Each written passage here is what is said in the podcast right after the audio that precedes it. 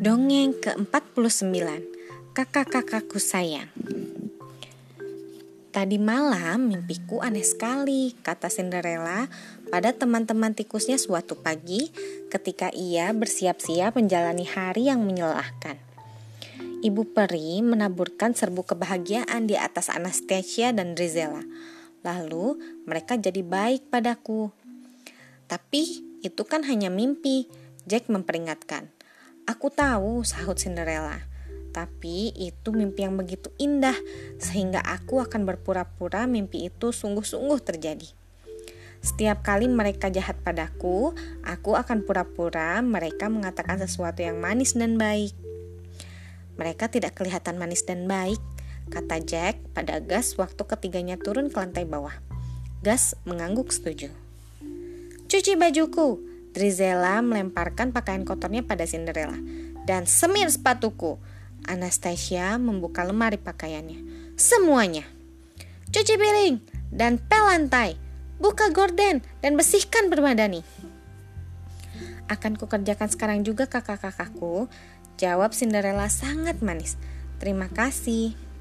Sepanjang hari, Drizella dan Anastasia meneriakan perintah pada Cinderella. Namun, apa pun yang mereka suruh untuk ia lakukan, Cinderella selalu menjawab dengan manis. Akhirnya, Anastasia mengajak Drizella bicara. Apa pun yang kita suruh, Cinderella tetap gembira, kata Anastasia. Ia bersikap seolah kita membantunya.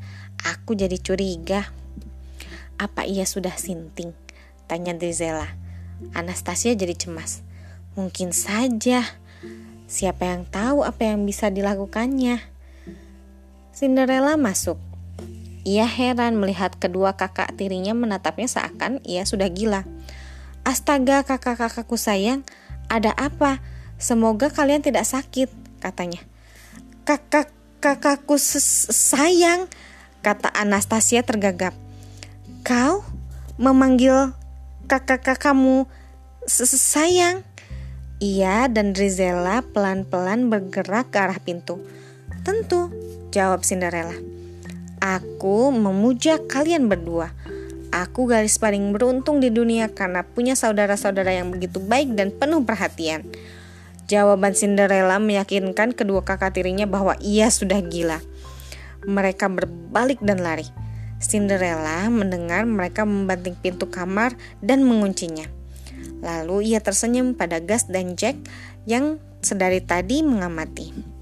Mereka mungkin sebenarnya tidak baik dan penuh perhatian, kata Cinderella.